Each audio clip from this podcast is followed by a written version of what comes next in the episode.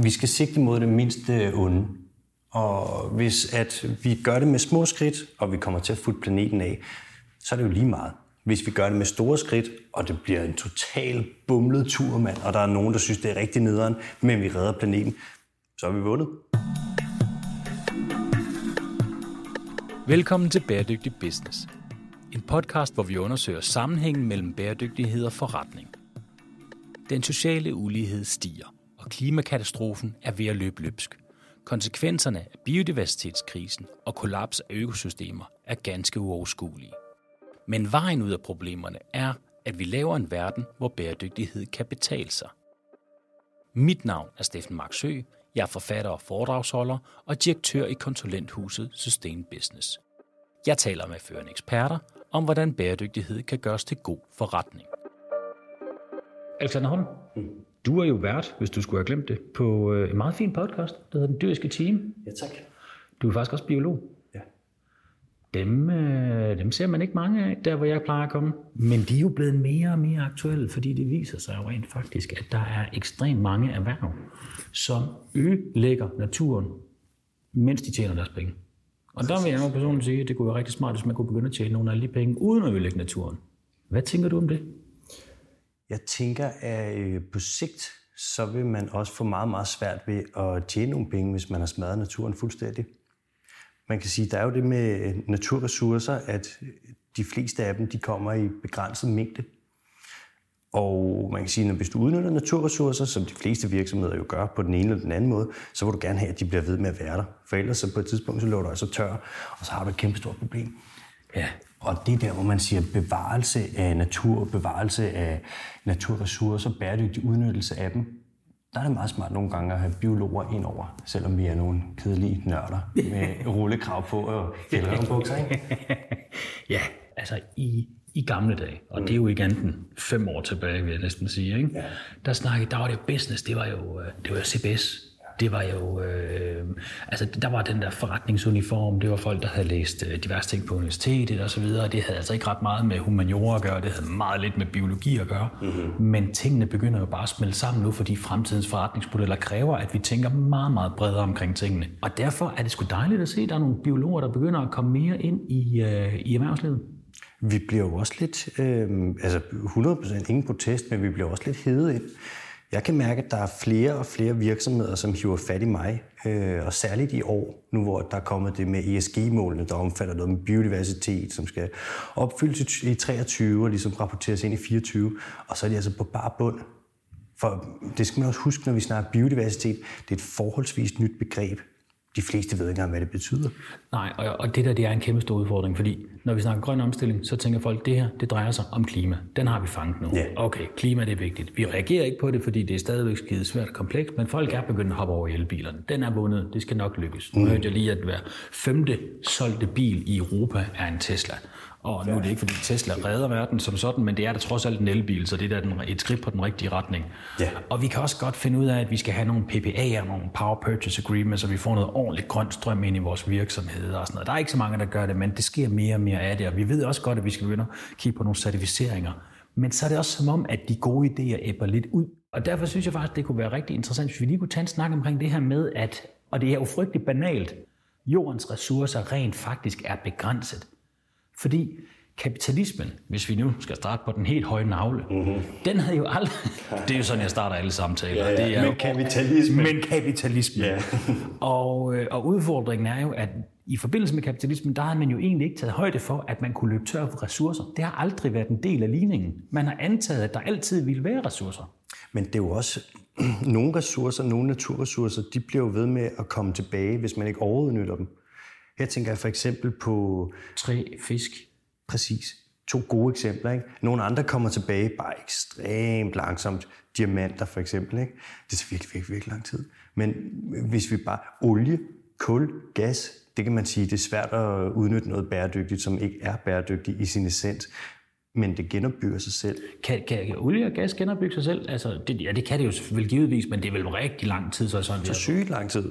Men det kan godt. Og man kan sige, at der er jo stadig masser af det tilbage, så Det er ikke en tanke, som du nogensinde må hænge mig op på overhovedet, og jeg vil ikke stå ved den. Men i princippet, hvis vi brugte en lille nok mængde olie, så vil der blive genopbygget olie hurtigt nok til, at vi kunne blive ved med det, indtil at solen eksploderer om 6 milliarder år og ja. opsluger jorden. Ja. Ja, det er jo altid godt, godt lige at huske på, som sådan en lille cliffhanger, at der er jo, vi har 6 milliarder år, men bare roligt, vi er jo i gang med at ødelægge det hele ja, lang tid ja. før det. Ja, vi sprinter.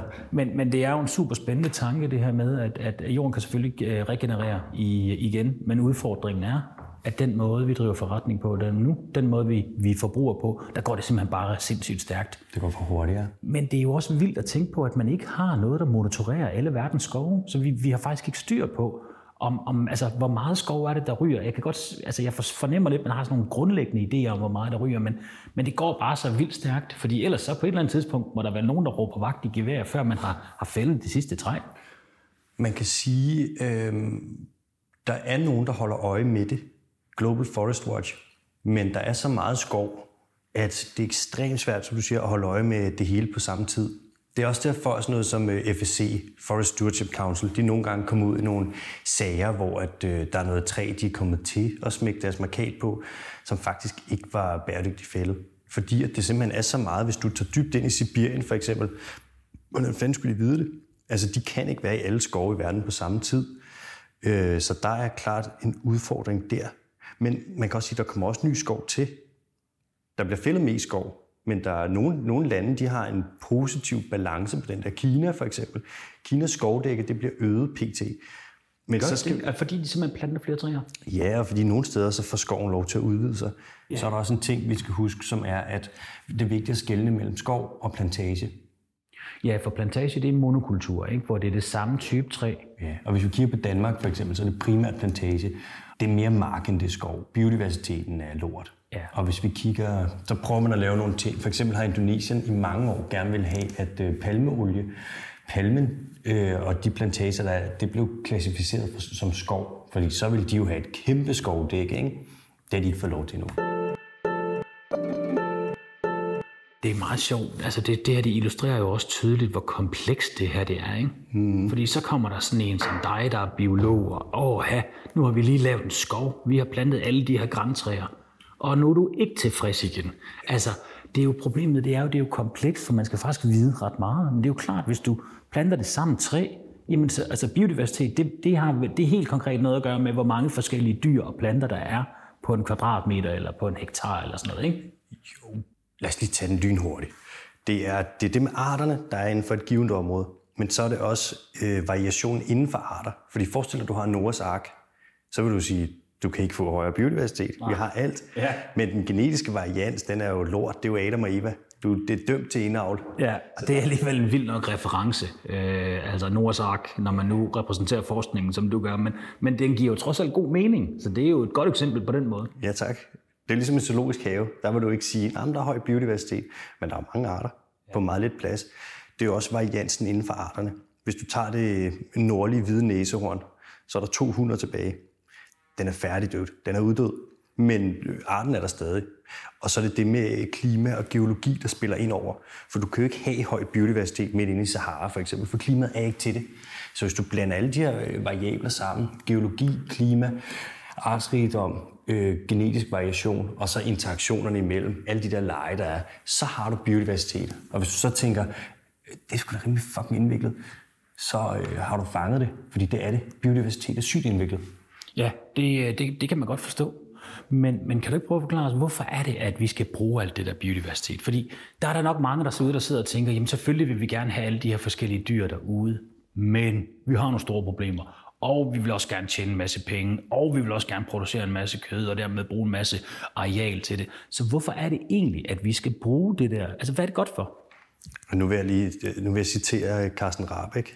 Jeg havde en snak med ham forleden, hvor vi snakkede, kender du ham, biodiversitetsprofessor? Ja, ja skarp, ekstremt skarp. Øhm, så spurgte jeg ham om det samme i min podcast. Ja. og hvad skal vi bruge det til? Så lynhurtigt så svarede det ved jeg ikke, kan du lige at trække vejret? Ja, okay, det er et stærkt argument. Kan du lige binde det sammen så? Altså, når planter, alger, alle de her ting øh, laver fotosyntese, så er det jo noget med CO2, hvor der bliver lavet om til ilt blandt andet. Ikke? Og ilten indånder vi. Man kan også sige, kan du godt lide at drikke rent vand? Ja, det er også, det er også fedt nok. Ja, det kan vi godt lide, ikke? Vi er lidt afhængige af det for ikke at dø. Og man kan sige, at renseanlæg de gør deres for at rense en lille del af det danske vand, og de renser det meste af det kvælstof, der ligesom kommer fra os mennesker og byer ud. Men resten af oprensningen af vandressourcerne, det er naturen, der står for det. Men, men er det så drastisk? Fordi vi, vi hører jo alle steder, og, altså, og jeg er jo en af dem, der, bare springer på, fordi jeg hører nogle forskere sige det. Okay, men så ved jeg godt, det er rigtigt. Og man har jo selvfølgelig også hørt om det her med, at de her store økosystemer, de kan kollapse, hvis der er mange forskellige dyr inde i sådan et økosystem, fordi de er afhængige af hinanden. Præcis. Men, men hvor langt er vi, altså hvor er vi henne i det her? Altså kan det virkelig blive så drastisk, at vandet ikke er rent, og at vi simpelthen ikke kan trække vejret, fordi der ikke er nogen træer? Altså jeg mener, vi skal vel også ret langt ud så? Ja, det skal vi, men vi er godt på vej, og vi er ved at få fart på. Altså ligesom klimakrisen, den er galopperende, eskalerende, accelererende, og det begynder at blive mere og mere eksponentielt, så er biodiversitetskrisen det også. Vi glemmer nogle gange lidt, hvad naturen gør for os, fordi i Danmark, der har vi ikke noget natur. Og vi er ikke så afhængige af det, fordi at blandt andet vores landbrug, der afgrøderne, de er ikke så afhængige af bestøvning, fordi vi primært bare har korn og raps og majs og sådan noget, som er bestøvet via vinden. Ikke? Men hvis vi kigger ud i verden, så kan du se nu, at vi har allerede omkring en halv million dødsfald på global plan om året, fordi der mangler bestøvning af afgrøder. Og hvordan hænger det sammen? Er det så hungersnød, der resulterer i det? Ja, og så er det jo mangel på næring. Nogle steder så er de afhængige af øh, nødder, for eksempel, for at få nogle mineraler. Der er ikke nødder mere. Det er slut. Vi ser også nogle steder, for eksempel med forurening af vandressourcer. Et godt eksempel, der udspiller sig lige nu, det er imellem grænsen af Brasilien og Venezuela, hvor guldminerne de har udledt så meget kviksøl, så det er folk, der er der, Yanomami-folket, de simpelthen dør af kviksølsforgiftning. Og naturen kan ikke oprense vandet mere, fordi man har fældet skoven for at lave guldminer. Og så ser du, du kalder det, nu kalder de det bare et folkemord fordi der er folk, der simpelthen dør af sult og kviksølforgiftning. Og vi kan også se, altså i Danmark, der mærker vi jo også det her med, se på vores fiskeri. Det kystnære fiskeri har det ekstremt dårligt. Ja. Torsken er gået i stykker, ikke? Jeg kender flere UV-dykkere, og de siger jo, altså det der med, med kystfiskeri, det kan du glemme om. At komme ud og skyde fladfisk, det kan du lykkes lidt med i ny og næ, men det, der er simpelthen ikke nogen fisk tilbage. Vi har ødelagt fiskeriet. Vi har ødelagt det med primært bundtrål og kvælstofudledninger fra landbruget. Og der kan man sige, det er jo også en god næringskilde med fisk. Der er 800 millioner mennesker i verden, som er afhængige af protein fra fisk for at overleve. Og hvis fiskeriet kollapser, som det gør stadig flere steder, så dør de altså af ja, næringsmangel. Ikke?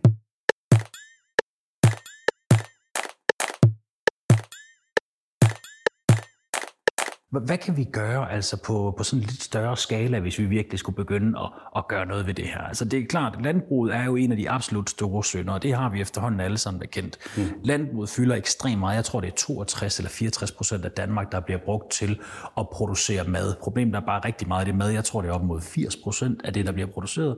Det er mad, vi laver til dyr, sådan så vi kan æde dyrene. Yeah, og der kan man sige, der er vel noget ressourcespild der, yeah. der ikke er super smart. Nej, det er nu bare den dårligste måde, man overhovedet gøre det på. det er en ekstremt dårlig konvertering yeah. af, øh, af natur til føde. Ja, og så tager vi og så importerer vi jo så de her omkring 1,7 millioner ton regnskovssoja om året for at lave kød.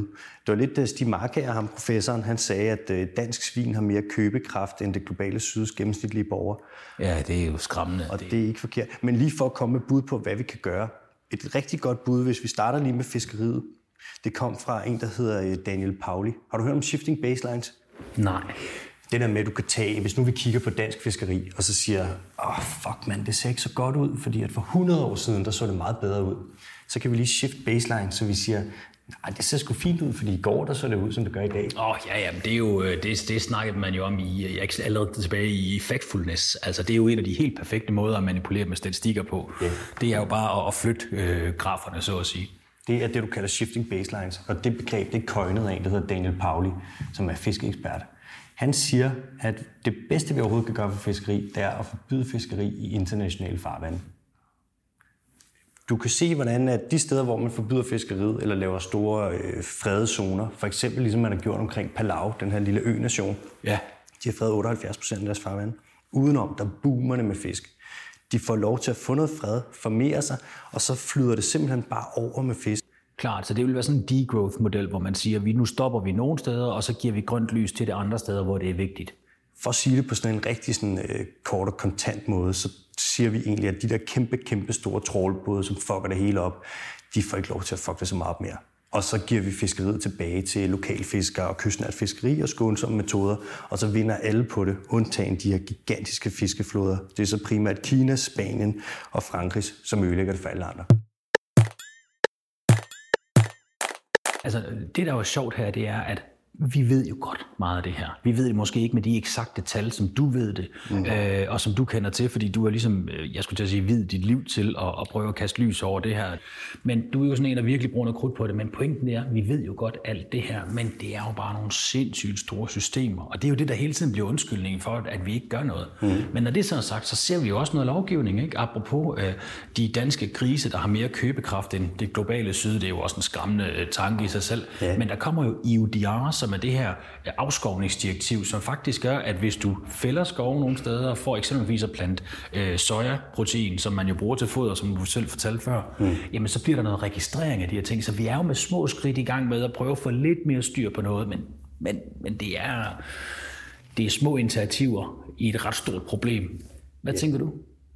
Jeg tænker, at små initiativer de er vigtige, og det må man aldrig nogensinde sige, sådan, at det er noget dårligt. Men når det, man har brug for, det er kæmpe, kæmpe store øh, initiativer, så bliver det lidt lappeløsninger, og så bliver det hurtigt sovepuder. Også det med, at vi, den problematik, vi står i nu med klimakrise, biodiversitetskrise, den er irriterende, Steffen, fordi vi har travlt. Det er det. Og når man har travlt, så er små løsninger ikke nok. Men de lyder fede. Det er det, vi kan høre. Så blærer man sig med sådan, ah, vi har det her, vi har den her ordning, og så har vi en plan og et delmål i 25 og i 2030 skal vi ved, hvad du mener. Vi har en, en meget fin klimaplan i Danmark lige nu, som ja. vi bare kører helt fuldstændig. Jamen 100, de gør det skide godt. Altså, de lever næsten op til noget af det, de har sagt. Men øh, vi skal bruge nogle større, mere drastiske tiltag, og øh, den der, vi har med, at det må ikke være byrdefuldt for nogen, alle skal være med, det må ikke koste noget. Hvis vi holder fast i den, så har vi et kæmpe stort problem, for ja. det er meget dyrt at løse kriser. Ja, det er også, jo længere tid du venter, jo dyrere bliver det. Så det er vi fuldstændig enige om. Og det, er jo, altså, og det her det er jo aktivistens synspunkt. Og guderne skal vide, at jeg er jo selv aktivist. Altså, det, det må jeg nok erkende. Men det, der er udfordringen med sådan nogen som dig og mig, det er, vi synes jo, der skal laves meget, meget store reformer meget, meget hurtigt. Fordi vi har forskning på vores side, der siger, at vi er i gang med at få planeten fuld power op. Ja. Men noget, jeg går og bøvler rigtig meget med, sådan også for at bevare min indre sanity, det er, hvordan kommer man egentlig længst? Fordi kan vi lave så store forandringer på så kort tid? Sådan, hvis man rent pragmatisk kigger på det politiske system, vi har, mm. den globale polarisering, der er, og, og de forskellige styremodeller. Altså, måske er det her et spørgsmål om, at man når længst med små, korte skridt, velvidende, at det kommer til at få planeten big time af. Hvad tænker du? Det er for meget, hvor pragmatisk man skal være, ikke? Jo. Jeg er ikke særlig pragmatisk. Jeg ser det også som sådan, vi skal sigte mod det mindste onde. Og hvis at vi gør det med små skridt, og vi kommer til at fulde planeten af, så er det jo lige meget. Hvis vi gør det med store skridt, og det bliver en total bumlet tur, mand, og der er nogen, der synes, det er rigtig nederen, men vi redder planeten, så er vi vundet. Det vil jeg også godt give dig medhold i, mm. men det er stadigvæk under forudsætning af, at man så gør det tumultarisk for en masse mennesker, men man dog redder planeten. Spørgsmålet er, om man overhovedet redder planeten. Fordi prøv at se, hvad der foregår med øh, de gule veste. Godt eksempel på, at det bliver socialt uretfærdigt, den måde, man laver øh, aftalerne på. Mm. Kig på øh, i USA, hvordan det er, at den kæmpe polarisering, der er kommet på hele ESG-området, eller det, de kalder anti-woke kontra wokeness nu, mm. som jo også bare er i bund og grund et stort påskud for at skyde altså alting ned, som, som den såkaldte venstrefløj kommer med, som mm. rimer lidt på klima, miljø og, øh, og social retfærdighed. Ja, bare det woke. Ja, men, ja. Men, men det er jo også vildt nok. Ikke? Nu putter man det bare i en kasse, så kan man lige tvære det hele ud på en gang. ja. Det er jo en syg nok strategi, man har lavet der. Det er for nemt, altså. ja. Ja, men Skørt. det virker ret godt. Jeg vil også sige sådan, jeg er jo ikke økonom, men øh, der er ret gode penge i at have en forretning, der ikke kollapser. Ja det er usekset, det der med at sige sådan, ah, men nu sparer vi, og nu øh, gør vi det lige ægte bæredygtigt, og nu tjener vi lidt mindre i nogle år, og tager hensyn til alt det her, så vores forretning den kan bestå. Øhm, det federe det andet med bare trykke på speederen og lukke øjnene, ja. og være sådan, nu er det fucking boksen, og så er der teknologiske fix, og øh, det overhælder udfordringen. Ja. Og ved du, hvad det bedste argument for, at man skal lytte til biologerne og i øvrigt til klimaforskerne?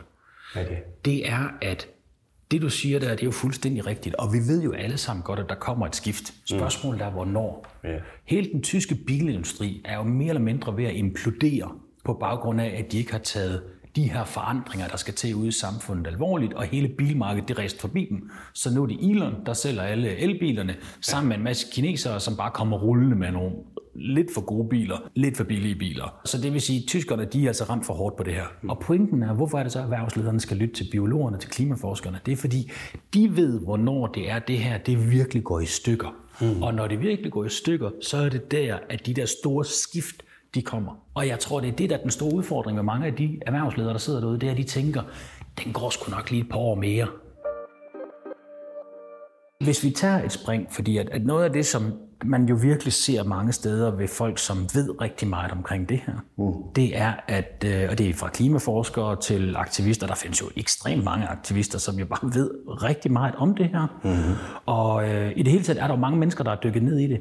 Der er mange, der begynder at blive lidt opgivende i forhold til, hvad der hvad der kommer til at ske, og, hvor, og om vi rent faktisk kan nå at løse noget af det her i tide, før det kommer til at gøre rigtig ondt. Mm. Hvordan bevarer du ligesom fatningen? Fordi i din podcast, I sidder jo og der er jo lidt ironi fra tid til anden. En god stemning, vil man måske endda sige, ja, tak, ja, tak. når I snakker om de her lidt tunge emner. Mm. Så sådan helt personligt, hvordan bevarer du din gejst? Kampgejst, skulle man måske sige. Det er et godt spørgsmål. Jeg håber ikke på særlig meget. For det første. Det er det der med at sætte forventningerne tilpas lavt.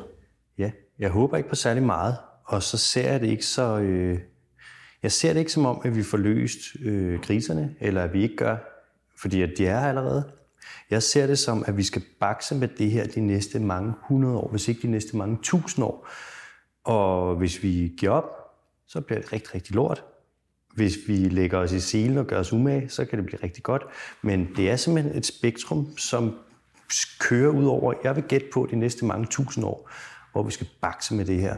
Så er jeg sådan, jamen, jeg forventer ikke at se nogen særlige mål i min levetid. Faktisk tværtimod, ikke? Men hvis jeg kan rykke en lille bitte, bitte smule, og så bliver det lidt bedre ude i fremtiden, hvad skulle være vigtigere end at arbejde for det? Og jeg har det også lidt med håbløsheden. Jeg tror, jeg kigger på, eller jeg kigger meget på, hvad der sker, og hvem der ligesom prøver at skubbe nogle forskellige retninger. Og dem, der prøver at skubbe det i en sort retning, der bliver jeg mere sådan... Jeg får lidt kampgejst. Det giver ikke billigt af. Mm. Og bliver måske lidt, også lidt, måske lidt provokeret af det? På en måde. Men jeg bliver mere sådan, så lad os tage den. Mm. Så lad os se, hvad I har. Hvad tror du, der kommer til at ske fremadrettet i forhold til den her frustration, vil jeg faktisk gå så langt at kalde det, som, som flere af os jo oplever? Altså, jeg oplever det rigtig meget med politikerne, hvor jeg synes, at det er, det er tom snak. Øh, altså jeg er jo ikke så meget inde i, i øh, altså jeg, de biologiske side kender jeg jo ikke så meget til, men politik er jo noget, jeg har interesseret mig ekstremt meget for i lang tid. Ja. Og, øh, og der må bare sige, at, at den måde politikerne griber det an på, der kan det godt være svært at bevare sådan troen på, at det her det kommer til at lykkes, fordi det er jo så tydeligt at se, altså, altså Klimarådet bliver ved med at sige, at lortet ikke virker, altså vores plan ikke fungerer, det som vi har lagt i forhold til, til klimaplanen med de 70% reduktioner. Mm. Nu er vi selv ude at sige, eller nu er klimaministeren selv ude at fortælle, at, at vi når nok ikke 2025-målet. Så vi kan bare se, at det ikke går i rigtig retning. Kunne man forestille sig på et tidspunkt, at der bliver oparbejdet så meget frustration i befolkningen, at de virkelig er klar til at tage nogle nye valg? Ja, og man kan også sige, vi skal ikke sætte vores lid til den regering, vi har nu. Jeg vil gerne kunne sige, at sådan, ah, de kommer til at arbejde for, at det går i en grøn retning. Men det gør de ikke. Det her det er, en, det er en flertalsregering. De gør præcis, hvad der passer dem. Og det er en lobbyregering. Og jeg tror, vi skal sætte vores lid til folkelig mobilisering. Og det kommer mere med af det. Altså, hvis du kigger på klimabevægelsen, den grønne ungdomsbevægelse, så har du de største ungdomsbevægelser i Danmark nu og de vokser hurtigt. Og så skal vi sætte vores lid til erhvervslivet. Fordi der er virkelig nogen, der gerne vil grøn omstilling. Og man kan se, at erhvervslivet står tit faktisk og presser på. Og det sådan, kan vi ikke få noget for fucking gang i sagerne? Og så har vi politikerne, der nøler. Ja, de er jo desværre fanget i et system, eller rettere sagt, de har valgt at lade sig fange i et system, hvor deres taburet er så værdifuld, at de ikke gør noget, før de har massiv folkelig opbakning. Mm. Hvad tænker du om, om det her med det økonomiske argument? Fordi det er jo klart, det er jo nemt at komme ind og sige alle de rigtige ting. Sige det her med, at vi skal ikke smadre naturen, vi skal ikke smadre planeten, selvom at det er os selv, det går ud over. Men hvad tænker du egentlig om det der med den økonomiske side? Altså med øh, de omkostninger, det kommer til at have, det tab af arbejdspladser, vi kommer til at have. Altså, Er du klar til at gå så langt, at vi i Danmark skal, altså skal tabe den del? Men vi taber jo allerede arbejdspladser på grund af det her. Jamen, jeg, jeg er helt med, og så vil jeg sige, min, min optik på det er jo også, at jeg kan ikke forstå, at vi har en regering, som ikke kommer til at løbe med den her 70% målsætning, fordi det vil være en gave for vores virksomheder i form af at, at kunne sælge de produkter, vi nu engang har. Det vil være rigtig godt i forhold til brandet generelt, og det er den vej, det kommer til at gå. Der vil være en masse god karma i det, og en masse god business i det. Mm. Så jeg er helt med. Men hvis man skulle tage, altså det man jo bliver skudt i skoen for, når man siger sådan nogle ting her, det er, det er alt, alt for dyrt. Og prøv, det vil komme til at koste, mm. hvis det var, vi skulle lave de her ting. Jeg vil sige, øh, for det første, det der princip med forureneren betaler og få afgifter på, ja, det implementere skal vi bare have. Altså. Ja, og få det 100% ind, og så tage de midler, som kommer fra afgifterne, og så få dem kanaliseret via en tredje part ind til noget grøn omstilling. Fordi så tvinger du ligesom den grønne omstilling gang, og så kommer de positive incitamenter, som mangler nu. Enig. Vi, vi, vi burde skabe noget mere incitament for at gøre det rigtige. Det kritikerne de vil sige, det er, de vil altid sige, ved du hvad, det er okay, det er rigtigt. Men teknologierne og løsningerne lige nu er rigtig dyre, mm. og det er et lille land, så i det store hele gør det ikke noget, at vi gør det i Danmark. Og der kan man sige, altså de har jo ret i, at, at alt det, vi gør i Danmark, principielt i en global kontekst, er ligegyldigt. Mm. Og de har ret i, at det er dyrere. Men spørgsmålet er, bliver det billigere? At det er jo mere det, jeg vil sige. Det bliver jo ikke billigere. Man kan også tage det der argument med Danmark som et lille land. Jeg kan, hver gang jeg bliver præsenteret for det, og jeg møder det tit i debatter, Altså, hvad så hvis man delte hele verden op i små segmenter, der var af samme størrelse som Danmark? Vil det så være lige meget, hvad alle gjorde? Det er jo en gratis billet. Og så samtidig med, at man siger det, så står de samtidig og siger, men vi er jo et grønt forgangsland, og vi vil jo udvikle de grønne løsninger, så vi kan eksportere dem, for vi udvikler ikke en skid. Men vi, det er, vi er nogle ting, kan vi, altså vindmøller selvfølgelig osv., men når vi kigger på arbejdspladser, så skal man altså også huske, det kan godt være, at det vil koste arbejdspladser nu, hvis vi implementerer for eksempel CO2-afgift på landbruget, men det vil koste seks gange så mange arbejdspladser, hvis vi ikke gør det. Fordi så er det lige pludselig nogle andre, som står og ender med regningen. Ja. Vi skal også huske, at nogle, lande, nogle arbejdspladser er allerede gået tabt. Se bare igen det kystnære fiskeri. Hvad skal de fisk? Landbruget har simpelthen skidt et andet erhverv i stykker. Der, der er der ikke nogen, der siger noget om arbejdspladser. Og vi skal også huske, at de arbejdspladser, som vil gå tabt, de vil genopstå i andre erhverv. Ja, og det, og det er rigtigt. Altså alle argumenterne der er ultra kortsigtet. Altså mm. i forhold til, at man skal vente og man skal skubbe. Men, og, men det er jo fandme den verden, vi lever i, hvor det er, at vi kan Altså, vi er åbenbart ikke i stand til at gøre det bedste for os selv på lang, øh, på lang sigt. Det der med, at vi er et grønt forgangsland, den har jeg også ekstremt svært med. Og det er faktisk vildt at tænke på, hvor mange danskere, der render rundt og tror, at vi er et grønt forgangsland, fordi vi har plantet på vindmøller på et tidspunkt. Jeg tror jo på, at til syvende og sidst, så på et eller andet tidspunkt, og jeg tror så måske, de skal inden for de næste tre år, så går det op for flertallet, at vi faktisk er ved at ødelægge vores planet. Der skal vi også huske, at der er mange, der sætter deres lid til teknologiske løsninger. Og der er den der meget farlige øh, formulering, den med, at teknologien overhælder udfordringen. Ja. Det er ligesom den der med at blive ved med at ryge, fordi at man er sådan, der kommer en kur på kraft. Og det, den er farlig, men sådan, ja. vi skal ikke undervurdere, hvor meget man lægger sig op af det. Og jeg tror også, du har ret i, at det vil det kan vi også se nu, det dæmmer for flere og flere folk, sådan, at vi er ved at have nogle seriøse problemer. Og jo længere vi venter, jo dyrere bliver det at komme ud af dem. Ikke? Men jeg tror stadig, der vil være for mange, som synes, at den der tanke med sådan, åh, det der klima og alt det der og sådan noget, så skal jeg til at spise vegetarisk mad og sådan noget. Fuck det. De synes, det er for irriterende til, at de ligesom vil hoppe med på det. Det spiller en kæmpe rolle. Og, men der kommer også til at ske, det er jo det, der, vi ser nu, sådan, Amazonas er i gang med stille og roligt at nærme sig et kollaps. Mm. Når Amazonas kollapser, hvis Amazonas kollapser, det vil være inden for de næste 3-5 år. Det er et af de der famøse ni tipping points, øh, der kollapser. Altså, det kunne eksempel være Englandsisen, der smelter, eller Amazonas kollapser. Det er noget med, det kan ikke bare lige genskabe sig selv igen. Nej, det kommer ikke til at genskabe sig selv. Hvis Amazonas kollapser, så det er jo en kæmpe, kæmpe, kæmpe regnskov. Altså den er gigantisk, men den holder på så meget fugt, og den står ligesom og genererer en masse fugt også. Og øh, på et tidspunkt, så, så kommer det fugt ud i atmosfæren? Ja, så kommer der ikke samme mængde fugt, og så vil den ikke skabe den nedbør, der skal til for at opretholde regnskoven. Okay. Og så vil det blive til tør savanne. Der kan du altså ikke dyrke soja, og der kan du ikke lave øh, oksekød. Det er jo de to primære ting, man laver i Amazonas, hvorfor du fælder den, ikke?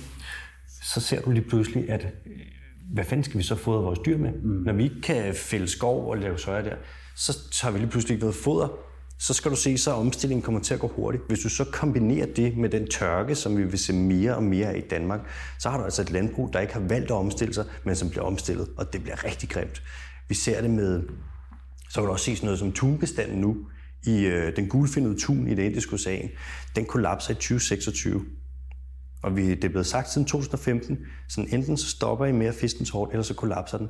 Det er en milliardindustri. Kæmpe, kæmpe, kæmpe forretning. Altså ekstremt mange nationer, der er inde og høste den her ressource. Hvad siger du, den gulfindede tun? Gulfindede tun, ja. Den skal jeg ikke have på min sushi. Ej, den er god at styre udenom så når den kollapser, så ser du igen sådan, det er altså et økonomisk rap over nallerne. Vi så det med torsken op i USA, der kollapsede torsken i 1992, og efter det, der lover der, at USA er blevet en dingse med deres fiskeri. På fiskerifronten, der kan man kalde USA et forgangsland. Nå, hold de har kæft, man. gode kvoter, de har beskyttet områder, de har alt det, som Danmark egentlig ikke har.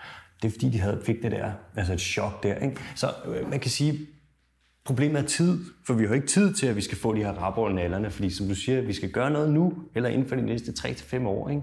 Og det bliver problematisk, så vi kommer til at gøre det med forsinket effekt, og så må vi se, om det er for sent. Det, jeg sådan oplever i vores samtale lige nu, det er egentlig, at jeg får den samme følelse, som dengang jeg var 12-13 år, hvor jeg havde set Natural Born Killers med Woody Harrelson og Julia, hvad kan jeg huske, noget til efternavn, hvor sådan, der var så meget action, der var så meget, at jeg var sådan helt testosteronfyldt ung dreng, der kom ud, og så var kraftet med bare action. Altså, og hvor jeg får den samme følelse lige nu af, at jeg har virkelig lyst til, at der skal ske nogle store forandringer. Tror du, man kan vække den der aktivist, som jeg hele tiden kalder det, ind i alle folk, hvis de bare får nok at vide? Nej.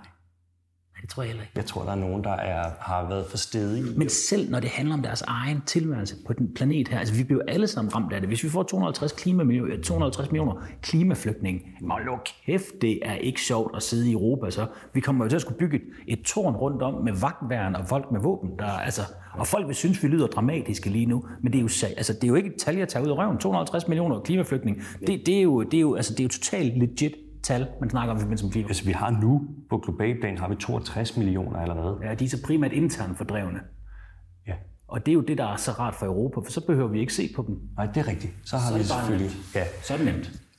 Jeg tror, den er, den er svær at vække. Jeg tror, sådan, det er simpelthen for rart at lade som ingenting. Og det er simpelthen for rart at sidde der og være sådan, nu tager vi lige det her fly til Thailand, skat. Det gør vi hvert år. Vi skal til fuck it. Ved du hvad, jeg sidder med min egen børn lige nu, og min egen kone. Mm. Og de, vi har en lille bitte en, og så har jeg to store, og prøver lige at lave noget ferie for øh, to kæmpe store, 14 og 17 år, en på halvandet år. Mm. Og min kone og mig selv. Og ved du hvad, de vil jo bare gerne flyve. Det er billigste i verden, det vil være at flyve et eller andet sted hen. Mm. Og jeg flyver arbejdsmæssigt, og så flyver vi én gang øh, hvad hedder det, privat i familien. Mm. Og, og jeg, jeg har det jo sådan, jeg, jeg kan efterhånden ikke rigtig stå på mål for det længere. Altså fordi, altså det, det, men, men ved du hvad, det er jo, men det er jo pisse svært, når man har skabt det her fossile samfund, fordi man vil virkelig gerne gøre alting. Men hold kæft, var det også svært, fordi at det der med hele tiden at skulle lave om med sine vaner, vi kan jo ikke gøre noget som helst. Hver eneste gang du køber en lille bitte ting, så belaster du planeten. Ja. Så hvordan, hvordan fanden gør vi det der, hvor det er, at folk ikke stikker hovedet i busken, som mange af os gør lige nu? Fordi det er jo, det er jo en psykologisk, naturlig reaktion at når problemerne bare bliver så store, så laver vi lige den der, holder os for øjnene og gemmer os og håber på, at det forsvinder. Og det her forsvinder jo bare ikke. Nej. Det er, der er ikke noget, nogen nem løsning. Det er et spørgsmål om, at vi gør så umage, som vi overhovedet øh, kan. Og så er det et spørgsmål om, og den synes jeg er ret vigtig, at vi lader være med at lyve. Virksomheder lader være med at lyve og lave greenwashing. Regeringen lader være med at lyve og kalde sig grøn og sige, at de vil gøre alt, hvad de kan for at redde klima og mig i røven. Og hver enkelt øh, menneske lader være med at lyve over for sig selv og sige, det er okay at gøre det her. Og før vi stopper med det, så tror jeg ikke, at vi rykker os. Det er jo på grund ikke retfærdigt, at nogle folk tjener penge på at smadre den planet, som jeg med mine skattepenge og mine børn med deres skattepenge skal forsøge at løse på et eller andet tidspunkt. Mm. Så det er jo retfærdighedsargumentet, det, det er bare ikke tilstrækkeligt. Men økonomiargumentet, der handler om, at prøv at høre, der er ikke forretning i det her på lang sigt. Så hvorfor fanden er det, vi ikke kan støtte det her i hoved og røv, selvom at i, i bund og grund, altså i bund og grund, så vil man jo nok helst have, at, man kunne, at de kunne lave det om af sig selv. Det har vi bare ikke tid til. Mm. Jeg tror, det jeg mener, det er, at jeg prøver sådan at finde en løsning, hvor det handler om, hvordan kan vi lave, rent faktisk lave den her forandring, fordi vi kan ikke lave forandring ved, at nogen står og synes, det er uretfærdigt. Vi bliver nødt til at have dem til at gøre noget selv. Og hvordan gør de det? Ja, det kommer de ikke til. Øh, noget, man kan gøre, det er også i stedet for, at vi sidder og klager, og er snart det landbrug, det er så kulturelt, og lad nu være med det der, så kan vi pege mod, hvor det, hvad det kan blive til. Og vi kan kigge på, hvordan at, som det er nu, så er det jo omkring, det er de her 7.500 øh, landmænd, som ejer omkring 60 procent af Danmarks areal. Så man kan sige, at det danske areal er fordelt ud på meget få hænder. Så kan man sige, at der måske ligger en opgave i, for det første, at få landbruget tilbage på flere hænder. Og så i stedet for, at vi har kæmpe landbrug, hvor det bare er gigantiske marker, der bliver sprøjtet, så vi kan lave foder til svin og køer, så kan vi jo sige, hvad med, at vi laver nogle små landbrug, der bliver dyrket efter nogle mere regenerative principper, fordi det har vi brug for. Vores jorden er slidt. Mm. Øh, og så vil der opstå en masse arbejdspladser. Så kan vi lave en masse lækre produkter. Det vil typisk være plantebaseret. Ikke?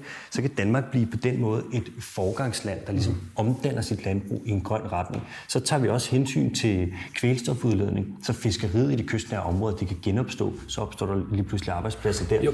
Og så har vi jo det med, at ja, så vil vi se, at klimaaftrykket fra landbruget vil blive sænket. Så dansk landbrug har kæmpe potentiale. Men det, det er jeg helt med på. Og vi kan sige, at øh, vi skal ikke stoppe med at lave kød.